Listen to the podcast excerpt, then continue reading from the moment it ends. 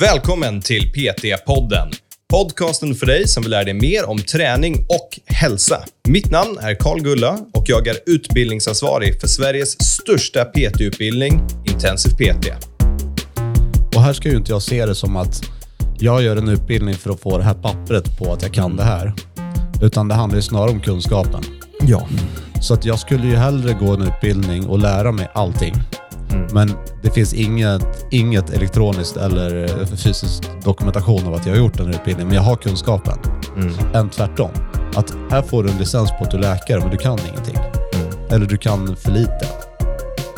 Varmt välkomna till PT-podden allihopa. Idag har vi med oss Andreas Hurtig och jag vet, vi har med honom regelbundet, men han är faktiskt en väldigt bra gäst för det här avsnittet. Vi ska prata om hur man ska tänka när man gör en examination. Och Andreas, han har gjort många examinationer. Han är sommelier, han har en Private Pilot License och han är Grand Master of Memory. Så det här är alltså någon som har pluggat väldigt, väldigt mycket och det jag kan säga att han brukar göra det under en väldigt kort tid som en utmaning för sig själv också. Och vi ska ta del av hans bästa tips hur man ska tänka när man gör en examination. Varsågoda. Välkommen till PT-podden Andreas. Varsågod Karl. Varsågod Karl. Är det ditt nya sätt nu? Och Ska testa det och se hur det känns. Det kändes bra nu. jag, ska, ja, jag får hitta ett nytt sätt att säga välkommen till PT-podden. Hörru Andreas, vad är den svåraste examinationen du någonsin har gjort? Oh, det var en svår fråga. Oh, är det Kanske. den svåraste Nej, men examinationen? jag, jag tror att det, de senaste åren så har jag varit rätt förberedd på det mesta jag har gjort. Jag, man ska nog tillbaka till gymnasiet för min del. Och åren där jag trodde att jag kunde allting och inte pluggade och ändå gick och skrev prov. Men Du, du är vi ska ju prata om examination idag, Ja. lite mindset och sånt. Ja. Och du är ju ändå en ganska bra figur för det här. Jag tycker ju det är kul. Ja, och du har gjort rätt mycket stora grejer. Du är ju känd för att ha bra minne och högt IQ och sådana typer av saker. Och du, var, du har gjort, eh, du tog ju helikoptercert på en månad. Ja, det var kul. Vilket är ju sjukt, för det tar vanligtvis vadå? Ett år kanske. Två, till, upp till två år om man inte Ja. kör på ordentligt. Du blev eh, sommelier på återigen Ja, det. en månad. Just ja. Och det var ju ett svårt prov. Det var ett väldigt svårt prov. Och det pluggade du på en månad och det brukar ta folk flera år att göra. Ja. Men eh, de här sakerna, igen, jag, jag tycker att det är kul att bli testad. Ja. Jag vet att det är inte jättevanligt. Mm. Men eh, jag tror jag hittade ett sätt liksom, att känna att det är en utmaning snarare än någonting som ska försöka sätta dit mig. Det, för det är den, den jag fått till mig att många tycker att det, är, det här ska visa hur jag, jag är dålig. Det, och det här är nog en intressant grej, för det, det är ganska sällan du tar saker personligt. Eh, om jag säger du är dryg och elak, det kommer inte du ta personligt, vilket du kanske borde göra. Men typ om du får ett dåligt resultat på ett prov, det är liksom inte, det är inte din personlighet, det är din prestation på provet som inte Ja. blev som det var tänkt. Ja. Eller? Ja, nej, men jag får ju skylla mig själv. Det är liksom det, lite den inställning jag går in med. Mm. Eh, och är det så att jag har pluggat men eh, jag får ändå underkänt, ja men då var jag liksom inte där jag ville vara för att, eller jag be- behövde vara. Det ska ju vara en, liksom en tankeställare för mig. Har du någonsin kuggat ett prov? Ja, eller jag har fått dåliga resultat, sämre resultat än jag skulle vilja. Mm. Eh, jag tror inte jag har liksom fått underkänt på något prov. Jag, tror, jag, jag har ju både kandidat och en master och jag tror jag har kuggat ett prov. Oh. Ja. ja. Jag var otroligt inte förberedd för att jag ville inte det, för jag tyckte det var skittråkigt. Ja. Tänkte jag kommer klara mig med bare minimum för att göra det här provet. Jag vill protest. Jag, och det gjorde jag ju inte. Så jag fick ju plugga om det och Ja. göra det en gång till. Ja, det var pinsamt. Men, men eh, det, man, man stöter ju på examinationer lite då och då. Mm. Eh, om du inte gör det, då kanske du bör liksom leta efter möjligheter att Mm. göra det. För att eh, även om det här är kurser eller eh, utbildningar eller eh, du ska ta ett MC-kort, eller det, det är ju examinationer i saker som är viktiga. Mm. Bra saker är oftast att man kunskapstestas. Mm. Och jag håller med, det, det är roligt. Så Jag tycker också det är kul att göra examinationer. Ja. Jag gjorde inte det när jag var yngre tror jag, men på lite äldre dagar så är det, ja, men det, är, det är roligt. Ja, och jag gillar ju speciellt typ eh, lite större examinationer, typ som nationella prov. Mm. Där man vet att andra också gör det här. Så att ditt resultat räknas, du kan jämföras mot en stor population. Mm. Det, det tycker jag är extra kul. Och det, sån är ju tyvärr rätt sällan man, man får möjlighet att göra. Du kan göra nationellt prov varje år om du vill. Två gånger till och med. Ja. Men ehm, det här avsnittet ska ju handla primärt om vilket mindset du ska ha. Så tips för hur du kan tänka och resonera för att du ska kunna förbereda dig bättre. Ja. Så för egentligen alla situationer som kan tänkas behöva en examination, sen kanske lite extra då för, för våra elever då, som kanske är på väg mot att skriva en examination. Ja, precis. Så både generellt och lite specifikt för oss. Ja. Så jag har delat upp den här listan som jag har gjort. I, Det här kommer från ett blogginlägg såklart. alltid. Eh, I eh, konkret vad det faktiskt är som fungerar Mhm. och vad det är som då kanske inte fungerar i hur du ska resonera. Mhm. Så det första, det är hur du ska se på själva examinationen. Eh, och eh, vilket mindset du ska försöka få både före, under och efter examinationen. Och jag brukar jämföra det med lite grann att det här kommer bli som ett tufft träningspass. Mm. Vi säger att jag ska springa fem kilometer. Mm. Så vet jag att jag är nervös inför. Och det är, det är fine. Det kommer vara tufft under. Mm. Och när jag kommer i mål, precis när jag kommer i mål, då kommer jag tycka varför utsätter jag mig själv för det här? Men sen dröjer det inte speciellt länge. Sen tänker jag att jag kan göra bättre. Mm. Jag vill testa igen. Mm.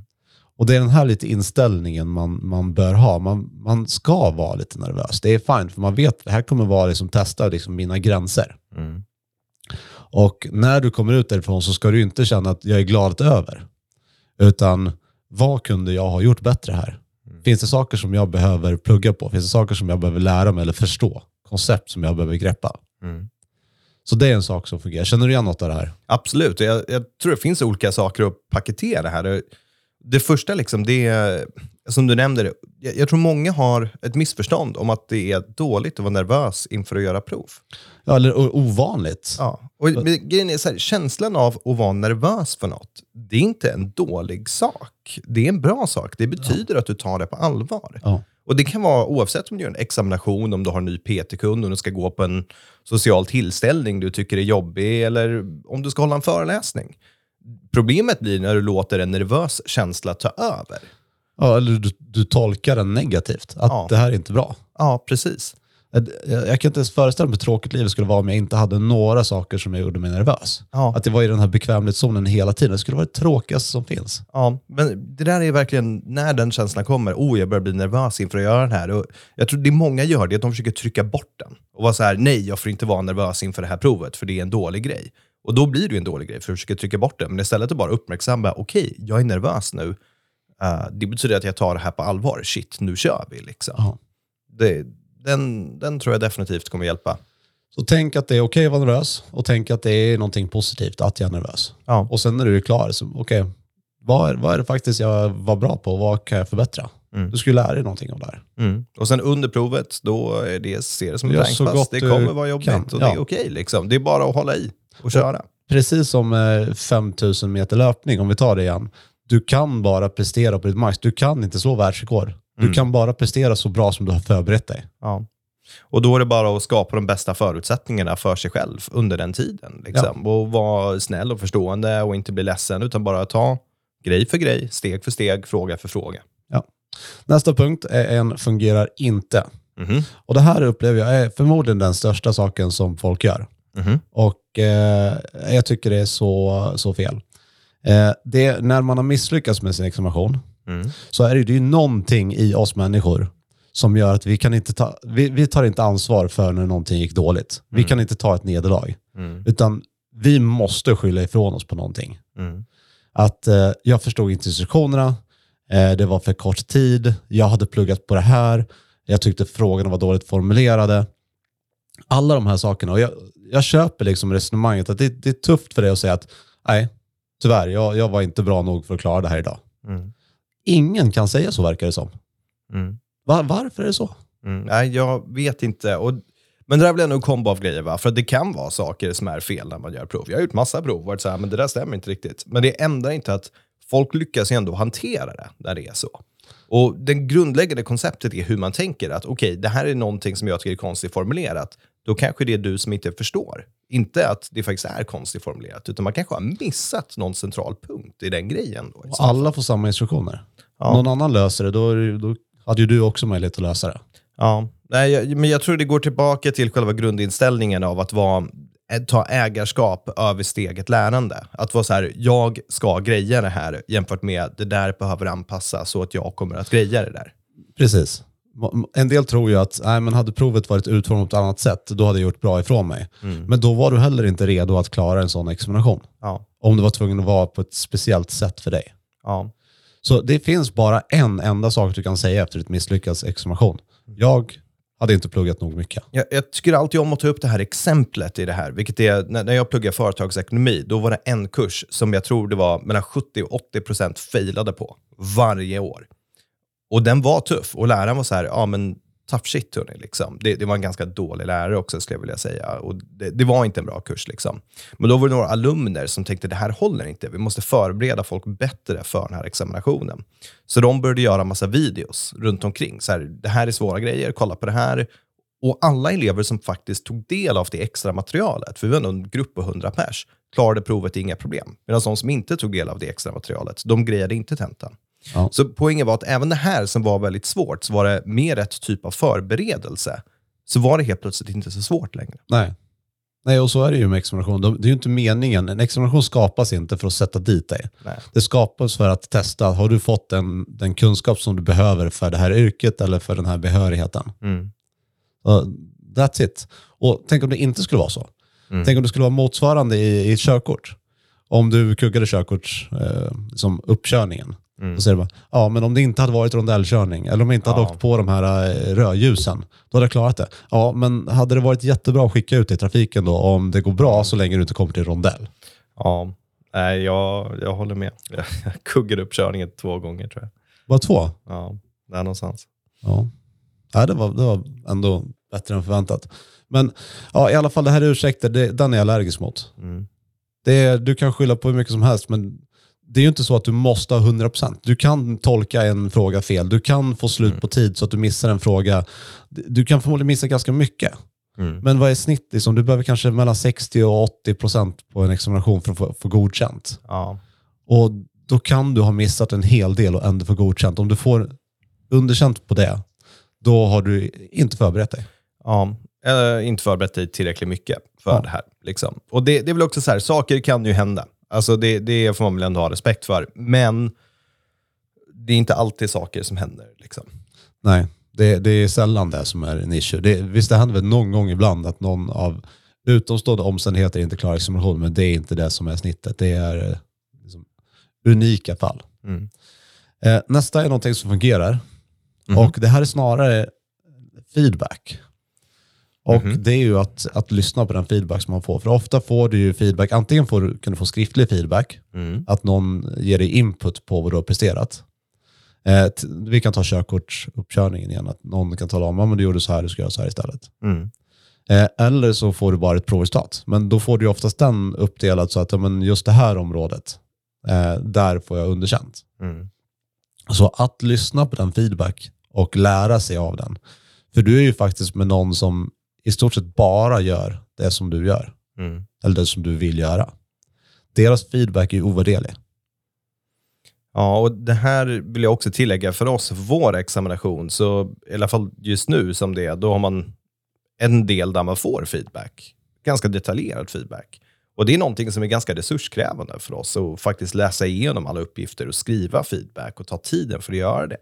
Och den är värdefull. Alltså Ja. det, det, är, det är ingen annan som gör det. Liksom. Det, det där är väldigt, väldigt bra. Och inte bara läsa den i förbifarten, utan förstå att det är någon som tar tiden för att individanpassa någonting för att hjälpa dig. Både, antingen att illustrera vad det är du kan, så du känner dig självförtroende över det, eller att påpeka saker som du kan bättre.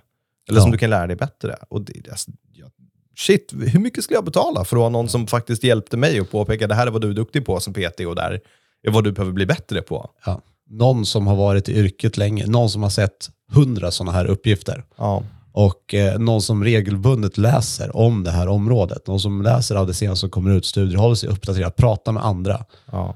Som ger mig feedback. Det är jag beredd att betala hur mycket som helst för. Och det, det är också, det är ju ett yrke att ge feedback. Mm. Alla de här coacherna, de tar ju tusentals kronor i timmen för att berätta, så här borde du tänka istället. Mm. Även inom psykologi är ju vanligt att här tänker du lite, lite knepigt, här, här borde du resonera så här istället. Ja. Så du betalar ju tusentals kronor för att någon ska tala om för dig vad, vad som är rätt och vad som är fel. Mm. Och det här får du gratis under examination. Mm. Det här är ju det, bland det bästa som man kan få från en examination, det är ju feedbacken. Mm. Ja, jag håller med. Och Det vi, vi lägger det ju... godkänt eller inte. Ja, Liksom. skulle vi titta på alla i personalresurser som vi lägger i, i löner och på tid Mm. och all mjukvara som vi använder för, för examinationen så lägger vi säkert en miljon kronor per år på bara feedback. Mm. För vi tycker att det är så otroligt viktigt. Mm. Så att det här är någonting som man ska uppskatta att man får. Man ska vara jättetacksam för feedback. Ja. Bra. Gå vidare. Vad är Ja. nästa punkt? Nästa en fungerar inte igen. Eh, och då tar vi motsatsen till det här. Mhm. Eh, det är att ta feedback som kritik. Ja, verkligen. För det, så är det inte. Och det, det är samma grej här som vi pratade om att du på något sätt gör. Att du separerar Andres som person med Andreas prestation i det här. Och jag, jag förstår att det kan vara svårt att göra kanske, men det är ingen som försöker vara taskig, utan det här är inte en social tillvaro där man sitter och umgås och pratar. Det är en examination. Det, precis, det här är en, en yrkesrelaterad, det är en professionell relation. Ja. Så här är ett, om du får i feedbacken att det här, det ett bättre sätt att resonera på är det här. Mm. Så läser ju många att... Eh, Du tänker säger, fel "Du är dum i huvudet." huvudet. Ja. och, Så är det inte. nej, Det är inte vad någon skulle säga. nej. Inte från vårt håll i alla fall. Och, och det här är, jag, tror att det kommer tillbaka till igen det här att man, man känner sig, det är svårt att ta ansvar för saker. Det är svårt att säga att ja, men jag resonerade så här, jag hade fel. Eller det finns ett bättre sätt för mig att tänka på. Mm. Det, det är snarare att vi går in i någon försvarsställning och, och tänker oss att vi ska försvara vår ståndpunkt. Mm. Och det här stöter jag på också, ofta. Att någon säger att "Ja, men, jag har läst det här. Eller jag har sett den här studien som säger det här. Mm. Och det man får komma ihåg då, att den personen som du då argumenterar mot har också läst den studien. Mm. Och har också läst tio sådana studier och hundra stycken studier som är relaterade till de studierna. Mm. Eh, och har jobbat med det här i många, många år. Och gör det här varje dag, åtta timmar. Mm. Så det, det är personer som du argumenterar mot. De vet redan. Det, det är argument som du kommer lägga fram. Det vet de redan och de har fått det så många gånger förut. Så det är liksom ingen idé vad du än tror att du har hittat för kryphål eller för att kunna försvara din ståndpunkt. Det, det, det är ett bättre att göra som, eh, som eh, feedbacken säger. Mm. Eh, absolut. Det, jag är med dig till 100%. Det är bara att förstå också att det här är inte en förhandling om att bli godkänd eller inte. Utan det är, det är saker som måste prickas av och visas att du kan för att vi ska kunna släppa ut dig som personlig tränare. Och då är det bara att göra, även om du kanske har en annan åsikt. Ja. Då kommer vi till sista punkten. Mhm. Och det handlar om hur du ska se på att du bör skriva omprov eller att du misslyckas och får underkänt på en examination. Mm. Och att du ska vända bort det från det här personliga nederlaget som vi har pratat om flera gånger redan i den här podcasten. Ja. Och här kan du egentligen igen ta de här resonemangen att hur skulle det se ut om det var så i yrkeslivet? Skulle du vilja gå eh, till en eh, läkare som hade misslyckats med sin prov men fick sin licens ändå? Mm. Förmodligen inte. Nej, och det är, ing- det är inget fel med att misslyckas på ett prov. Jag sitter och skryter över att jag har gjort det här liksom i podden med bilkörkort och med den här tentan som vi hade förut. Det, är så här, det där, även om det kan kännas väldigt tungt vid det tillfället, det är bara att testa och göra igen lite senare och studera på det man inte kunde. Alltså det är ett kvitto på vad du kan och vad du inte kan. Och samma sak där, det är värt väldigt mycket att få det. Ja. Och här ska ju inte jag se det som att jag gör en utbildning för att få det här pappret på att jag kan det här. Utan det handlar ju snarare om kunskapen. Ja. Så att jag skulle ju hellre gå en utbildning och lära mig allting. Mm. Men det finns inget, inget elektroniskt eller eh, fysisk dokumentation av att jag har gjort den här utbildningen, men jag har kunskapen. Mm. Än tvärtom. Att här får du en licens på att du är läkare, men du kan ingenting. Mm. Eller du kan för lite. Mm.